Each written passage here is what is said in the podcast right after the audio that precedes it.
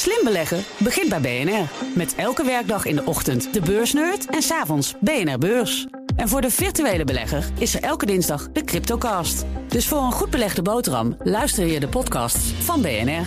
Blijf scherp. Blijf scherp. BNR Nieuwsradio. Boekenstein en de Wijk. Hugo Reitsma. Welkom bij Boekenstein en de Wijk. Het is woensdag, dag 371 van de oorlog in Oekraïne. Met deze week HCSS defensiespecialist Patrick Bolder als Rob de Wijk van dienst. Uh, Patrick, wat kan je zeggen over de situatie op de grond? Ja, eigenlijk verandert er niet zo heel veel. Hè. Dat oostelijke front hebben die Russen, die lopen al een week of uh, drie, vier nu enorm hard te duwen. En is, als dit hun lenteoffensief is, ja, dan gebeurt er niet zo heel veel, zou je zeggen. Hm. Maar toch wel wat, wat, wat we nu bij Bachmoed zien, dat is bijna helemaal omsingeld op het moment dat we dit opnemen. En misschien over een uur of over twee uur is het helemaal omsingeld, dat weet je niet. Het kan opeens snel gaan. Um, ja, Weet je, er is, ik geloof, acht maanden omgevochten om deze stad. En we hadden natuurlijk al eerder Solidar, waar heel hard om gevochten is. Dat is 15 kilometer van Bachmoed. Um, dus dat geeft wel aan hoe lang erover gedaan is voor de Russen voordat ze dan Bachmoed te pakken hebben. Ja. Um, enorm veel materieel verlies en vooral enorm veel mensenverlies uh, gaat het opleveren, heeft het opgeleverd aan de Russische kant. En het is voor de Oekraïners te hopen dat de laatste mensen die daar nog zitten er dan op tijd uit kunnen natuurlijk. Ja. Dat zijn 45... En in ieder geval heeft het heel veel tijd gekost. Ja. ja. dat zijn 4500 burgers en die kunnen niet weg. Want er is geen weg meer waar ze over kunnen vluchten. Dat is gewoon een nou ja, vreselijk probleem. Zolang de Oekraïners bevoorraad worden, zou je kunnen zeggen, is het ook een weg waar de burgers weg kunnen. Dus dat, dat vind ik een beetje ingewikkeld dan hoor. Ja, maar goed, Ze willen misschien ook niet, omdat ze niks anders hebben. Hè? Dat kan natuurlijk ja. ook nog. En Overigens, die droombeelden van de Russen. Ja, er is ook niks meer van over eigenlijk, hè, van Bachmoed, de stad nee. zelf. Maar wat ik bedoel te zeggen is, er zitten zit in enclaves waar dus geen weg meer uit is mm. en zo. Dus dat is echt lastig. Okay. En verder, wat ik dan echt ongelooflijk vind, Patrick en Hugo, dan Prigozhin. Wat zegt hij nu? Hè, oh, wat nou weer? Hm. Hij zegt van, nou, het valt me wel op. O Oekraïne die gooit wel een heleboel extra reserves daar bij Bakhmut erin. Hè? Dus precies datgene wat wij Prigozhin verwijten, hè, dat, dat is gewoon de, de gehaktmolen, dat legt hij nou bij Oekraïne neer. Hij weet ook dat in Oekraïne zelf en ook de Amerikanen vinden dat Bakhmut misschien al eerder had moeten worden opgegeven. Dus volgens mij doet hij zo'n zinnetje dus expres. Hè? Hmm, er werd ook gemeld dat Oekraïne versterkingen stuurt naar Bakhmut. Dus het ja. tegendeel ja. van uh, mensen eruit halen. Ja, dat is toch wel ingewikkeld. Maandag zei ik ook zoiets van: het lijkt erop alsof de Oekraïners een tegenaanval doen ten noorden van die uh, noordelijke uh, tangbeweging die de Russen ja, doen. Ja. ja. dat blijkt dan toch niet waar te zijn geweest. Uh, en dat geeft alweer hoe ingewikkeld het soms is om van een afstand nou precies te bekijken ja. wat er is met de bronnen die wij hebben. Hè. Dus ik zou er toch wel heel voorzichtig mee, mee willen zijn. Ja, en, en het blijft daar een hele moeilijke situatie, maar het heeft enorm veel tijd en mensen gekost aan de Russische kant en die kunnen niet meer elders worden ingezet. En dat is denk ik de belangrijkste winst die de Oekraïners daaruit kunnen halen. Ja, wat die Prigozhin zegt, dat is natuurlijk ook weer om de westerse steun uit elkaar te splijten. Dat is heel duidelijk. Hm, hij is ja. van de Wagner-groep, hè? Die, die, is vooral bij Bachmoed ingezet, ja. volgens mij. Je leest ook nog van die zinnetjes van... Uh, kijk, we hadden natuurlijk Oekraïne ook wel kunnen opgeven... want het betekent niet een doorbraak hè, voor de Russen. We kunnen dat dan wel weer stoppen. Daar zit, zijn absoluut ook interne discussies gaande. En ook Amerika, lees ik dan, hè, dat vond... joh, stop daarmee. Hm. Maar goed, en daarom gaat Prigozhin gooi, gooit dus zout in de wonden, zou je kunnen zeggen. Ja. Ja. En gisteren, volgens mij, uh, maandagnacht en dinsdag, waren er drone-aanvallen heel diep in Rusland. Hè? Dat was niet allemaal even duidelijk, maar wat hebben jullie daarvan meegekregen? Ja, en, en, en ook in Mariupol vooral uh, de afgelopen paar dagen 14 ja. explosies daar waargenomen. En dat ligt toch ook minimaal zo'n 100 kilometer vanaf de grens, uh, of de grens, uh, uh, de frontlijn tussen, ja. tussen Oekraïne en, en de door Rusland bezette gedeelte van Oekraïne. dus dat kunnen eigenlijk geen HIMARS raketten zijn, want die, die kunnen 80, 90 kilometer ver weg komen. Maar je zet ze nooit aan het front neer. Je zet ze altijd verder naar achteren. Dus effectief mm. 60 tot 70 kilometer zou ik zeggen. Um, ja, het, het, kunnen de, de ground launch small diameter bombs zijn. Dus die kan je ook met dat HIMARS systeem afvuren. Maar die kunnen tot 150 kilometer ver komen. En tot een meter precisie leveren. Maar ik had de indruk dat die er nog niet waren. Maar ja, ook daar moet je natuurlijk heel voorzichtig zijn met de bronnen. Um, als het wel zo is, ja, dan had ik eigenlijk wel weer meer aanvallen gezien. Op, mm. Meer in de diepte waar het de Russen echt pijn doet en waar ze hun, hun uh, frontale aanvallen van in de Donetsk en, en Luhansk provincies mee, mee kunnen doorkruisen. Waarmee de Oekraïners die, die Russische aanvallen kunnen moeilijker maken door weer in de diepte aan te vallen. Drones is natuurlijk ook het verhaal geweest. Dat zou kunnen. En drones gesteund door partizanen die achtergebleven zijn natuurlijk in het bezet gebied. Oekraïners die tegen de Russen vechten. Hm. Combinatie daarvan misschien ook wel. Hè.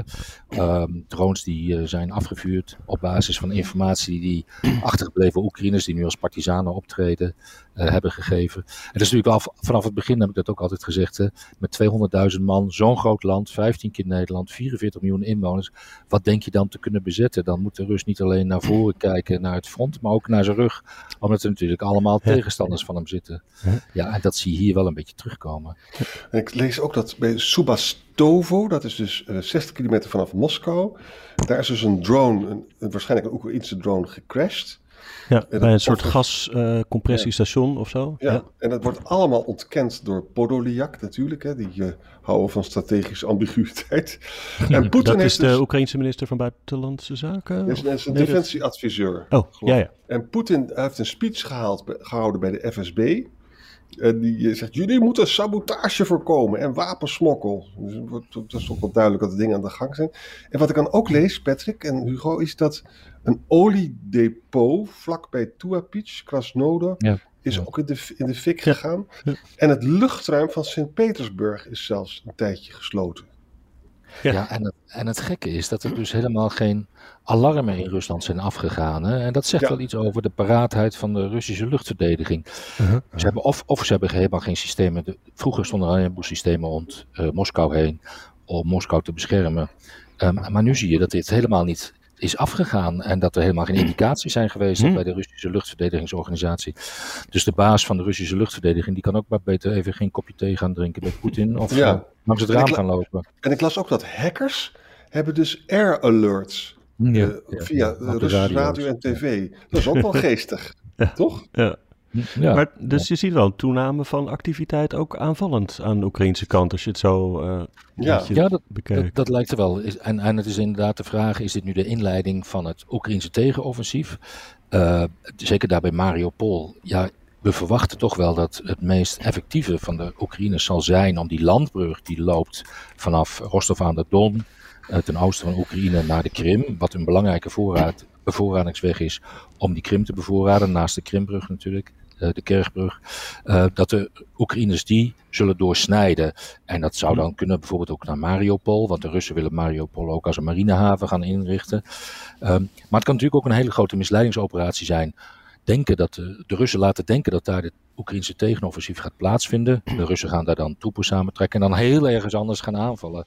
Nou, dat, dat wordt wel interessant de komende maanden, denk ik. Hm.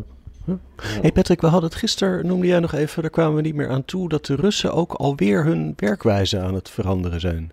Ja, um, ze, ze, hebben natuurlijk gewerkt met die, met die bataljonstaakgroepen, die BTG's. En dat bleek niet zo succesvol te zijn.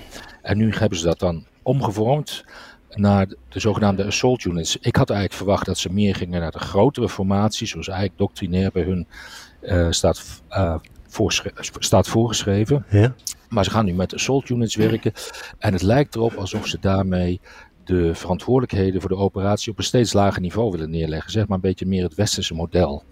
De, hm. de opdrachtgerichte commandovoering. Dus je geeft een commandant, een luitenant, een sergeant, een kapitein een opdracht. Uit, voer dit uit. Hier heb je de middelen en doe het op jouw manier. En als je iets tegenkomt, handel ermee en ga niet naar boven.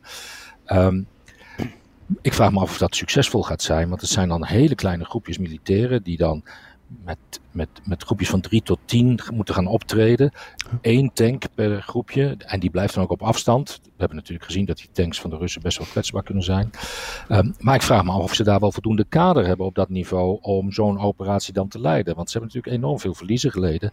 En met name dat middenkader die eigenlijk zo'n kleine operatie moet leiden ja, zijn die er nog wel? Hebben die wel genoeg opleiding gehad? Hm. Hebben die genoeg ervaring inmiddels uh, opgedaan om dit soort dingen te, te leiden? En bovendien is het natuurlijk heel raar om tijdens een oorlog eigenlijk je hele modus operandus te gaan veranderen. Hm. Uh, van een top-down gestuurde uh, commandovoering naar veel meer opdrachtgerichte commandovoering. Nou ja, ze hebben het een beetje afgekeken van de Wagner-groepen. Nou, we hebben gezien hoeveel succes hm. dat heeft. nou ja, ze hebben nu dan uiteindelijk wacht moeten pakken, maar uh, met wel de slachtofferen van meer dan tienduizenden uh, gevangenen natuurlijk, ex-gevangenen. Ja. ja.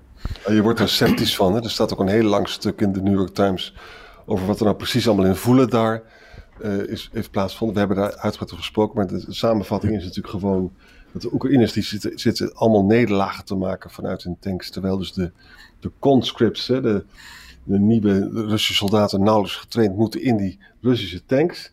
Hm. En die vallen dan op mijnen, maar vooral ook steeds in nederlagen. En het is gewoon in de pan gehakt. In hinderlagen, Oekraïnse ja. hinderlagen, ja. Ja, dus, ja fout, op fout wordt gestapeld eigenlijk. En iedere fout wordt opnieuw herhaald eigenlijk. En dat is, ja, dat is heel raar om te zien.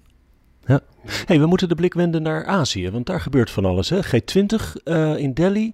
En gisteren was uh, Blinken, de Amerikaanse minister van Buitenlandse Zaken, in Kazachstan. Ja, ja, ja, ja. ja. En, en ik weet niet wat, wat er in Kazachstan gezet. Behalve dat het ongelooflijk spannend is, omdat Kazachstan had een jaar geleden de Russen nog nodig, weet je wel, met de, met de mhm, politieke crisis. Nu is het natuurlijk zo dat de Kazachstaners die denken van, nou ja, wij, wij hebben heel veel mogelijkheden nu om een onafhankelijke koers te gaan varen. Dat zijn natuurlijk, het is eigenlijk toch gewoon een onafhankelijk land, hè, een hartstikke rijk land. En daar hebben we het al eens eerder over gehad. Het geldt voor Armenië en voor Nagorno-Karabakh. Je ziet gewoon dat de Russische ijzeren vuist, die is, is niet meer van ijzer, maar van suiker. Hè? Hmm. Dus alles, alles gaat gewoon, uh, alles gaat gewoon uh, draaien. Ja, ik vind die, die G20, hè, dat vind ik ook wel heel interessant hoor. Is, is ook in Azië, toch? Ja, in India. Ja, in, ja, in India, ja. En de, de EU-delegatie wil dus geen enkele verklaring ondertekenen waar niet de oorlog in wordt uh, veroordeeld. Maar dat wil India en China natuurlijk niet. Ja, maar dat hadden we vorige week toch ook met de G7 in Indonesië. Ja, een beetje hetzelfde. Maar, maar even terug over die, die, die voormalige Sovjet-republieken, daar Kazachstan. Um, Kazachstan, Oezbekistan, Kyrgyzstan, Tajikistan, Turkmenistan. Dat zijn allemaal hm. van die oude Sovjet-republieken die nu eigenlijk een beetje proberen los te komen. Volgens mij is Kazachstan ook lid van de CSTO, hè, de tegenhanger van de NAVO, zeg maar. Maar dan zonder tanden ook weer.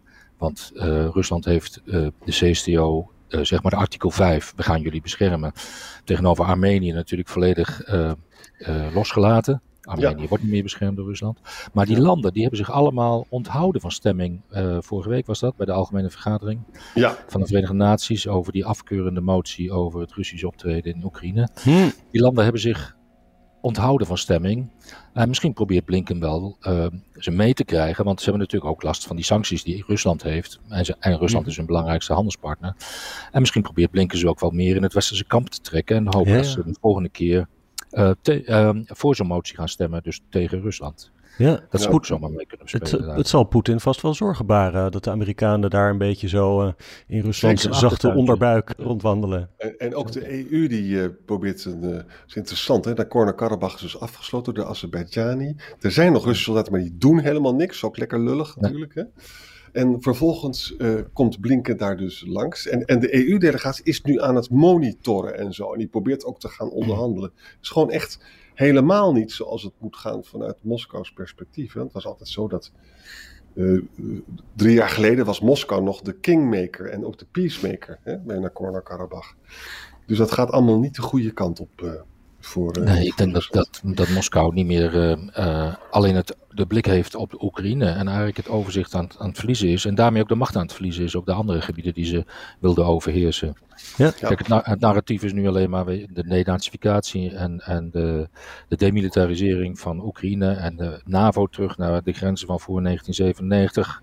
Eh, erkenning van de vier geannexeerde gebieden, anders gaan we niet eens praten. En waarschijnlijk kost dat dan zoveel aandacht bij Poetin. En dat clubje rond Poetin is heel erg klein, hè? Dat, dat weten we inmiddels wel. Dus ja, op termijn wordt het zeker een groot probleem voor Poetin. Hm. Dat gebeurt in het uh, zuidoosten van hem. Ja. Iets verder uh, naar het oosten is uh, Lukashenko in, in China. Hè? Praat hij met president Xi. En Arjan, jij had daar nog iets over ja, van, van, uh, ik heb weer wat extra stukken staan er ook vandaag in. En ik, ik heb het niet, niet helemaal goed behandeld de vorige keer. Want wat ik gewoon een beetje vergeten was, was waarom is dat nou belangrijk? Hè? Nou, China zou natuurlijk wapens en munitie kunnen leveren via Belarus. Hè? Dat is natuurlijk de, hmm. de, deal. Dat wordt nu ook gezegd als mogelijkheid. Hè? En verder, kijk, China heeft geen bondgenoten, hebben we heel vaak gezegd. Maar die ja, zoekt natuurlijk wel naar medestanders tegenover het Westen. Hè? En Belarus is geïnteresseerd in investeringen. Dus het is, heeft een zekere logica dat ze daar zien. Er zijn nog steeds Amerikaanse experts die heel erg bevreesd zijn dat China toch wapens gaat leveren. Ja, ja. Ik hoop nog steeds dat het niet zo is. Maar, uh, ja, maar, maar kijk, Belarus heeft ook sancties uh, gekregen van het Westen. Ja. En China zou dus ook niet met Belarus mogen handelen over dit soort dingen. En ze mogen het ook niet met Rusland. Maar waarom zouden ze dan die omweg via Belarus wel doen, maar niet rechtstreeks aan Rusland? Omdat je dat het vraag me dan af. Ja. Ja, dat is een goede vraag. Ja, je zou het natuurlijk ook rechtstreeks ja, kunnen. Ik heb eerder de indruk dat uh, Poetin die wil eigenlijk niet weg uit het Kremlin. Uh, en misschien voelt hij zich ook niet veilig daarbuiten. Hmm. En, en dat Lukashenko nu het loopjongetje is geworden van Poetin. Ook om Poetin tevreden te houden, zodat hij de oorlog niet in hoeft. Doet hij wel wat vuile zaakjes, maar dan kan hij, als, uh, kan hij zelf buiten die oorlog blijven. Is dat niet misschien aan de hand Hmm. ook? Nou, wat ik me kan voorstellen is dat. Uh, kijk, Lukashenko is totaal afhankelijk voor zijn eigen veiligheid van Poetin. Hè? Zeker, dat, dat zeker. Is, nou, en dan heeft Poetin gezegd van, ik zou het wel leuk vinden als jij met PXI op bezoek gaat. Want dan ja. lijkt het alsof, dan zijn we een anti-westers blok. Hè? En, en, daar is Lukashenko natuurlijk wel toe bereid om dat te doen. Maar dat hoeft verder nog niet zoveel te betekenen. En jouw punt, Patrick, is natuurlijk wel waar. Als je wapens levert, doe het dan zo stiekem mogelijk. En doe het dan ja. via Siberië of zo. Ja. ja?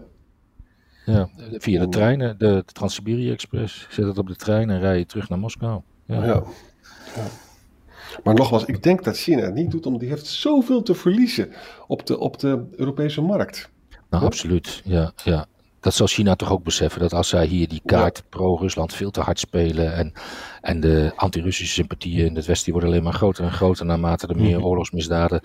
En, en ik las vanochtend 16.000 kinderen die inmiddels zijn ontvoerd. Nou, laat het de helft zijn. 8000, dat, dat is toch verschrikkelijk. Daarmee roep je toch in het Westen weerstand op tegen dit regime van Poetin. En bovendien Uh, kies, en als de je dat dan illegale, steunt, ja. ja, ki- kies de illegale route. De Turken, eh, die zitten dus, Turkse bedrijfjes lopen chips te geven. Eh, Mensen in Georgië en, Ar- en Armenië lopen chips te sturen. Ja. Chinese bedrijven lopen dat ook te doen. Chinese commerciële drones willen dat ook allemaal verkopen. Dat kan je, je kan dat natuurlijk een beetje toedekken allemaal, volgens Hm. mij. Het lijkt mij slimmer, maar goed, we zullen zien hoe het, eh, hoe het afloopt. Ja. Oekraïne is ondertussen natuurlijk vooral afhankelijk van de VS als het gaat om de aanlevering van, eh, van wapens. En daar toch weer ehm, twijfels eh, en kritiek van de kant van de Republikeinen in het congres. Hè? Of dat nou eh, maar door mag lopen. Ja, en niet alleen de Republikeinen. Ik heb, ik heb gekeken zelf. Het was een soort hearing hè, van, de, van het congres Ja. met mensen van het Pentagon. Het gaat altijd heel hard gaat het eraan toe. En wat je daar dus zag was de hoefijzer. Hè. Je hebt, dus de, Mhm.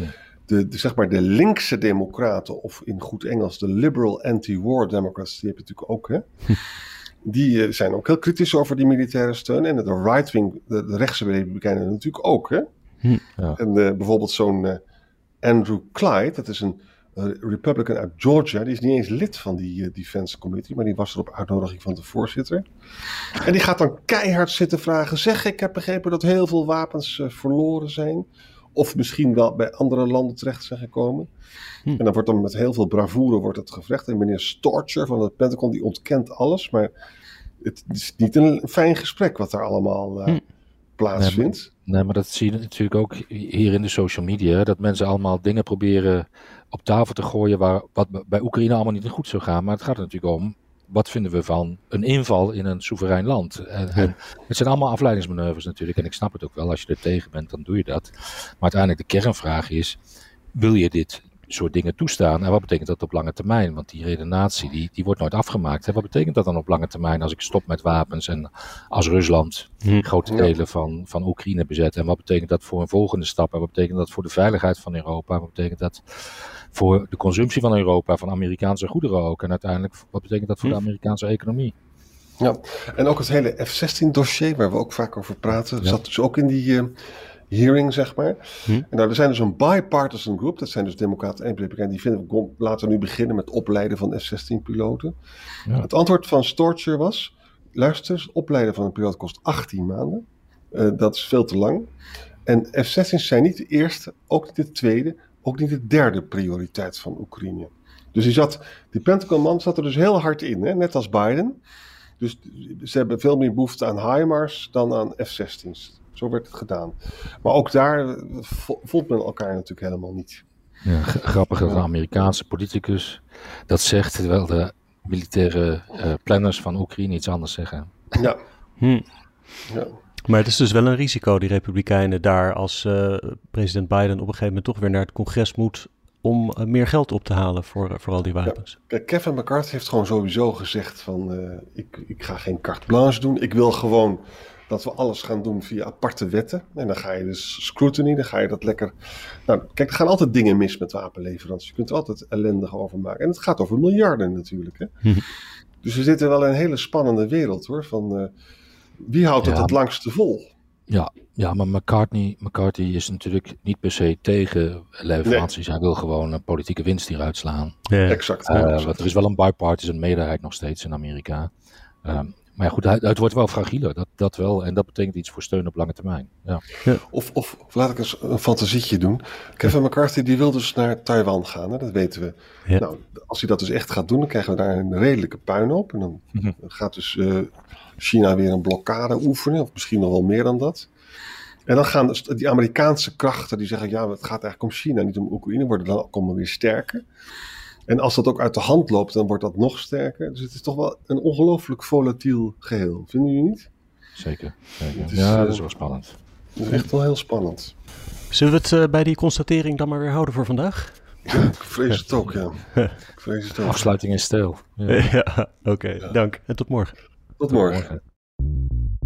Bij BNR ben je altijd als eerste op de hoogte van het laatste nieuws. Luister dagelijks live via internet. Bas van Werven. En heel langzaam komt de zon op rond dit tijdstip. Je krijgt inzicht in de dag die komt op BNR, het Binnenhof in Nederland en de rest van de wereld. De Ochtendspits. Voor de beste start van je werkdag. Blijf scherp en mis niets.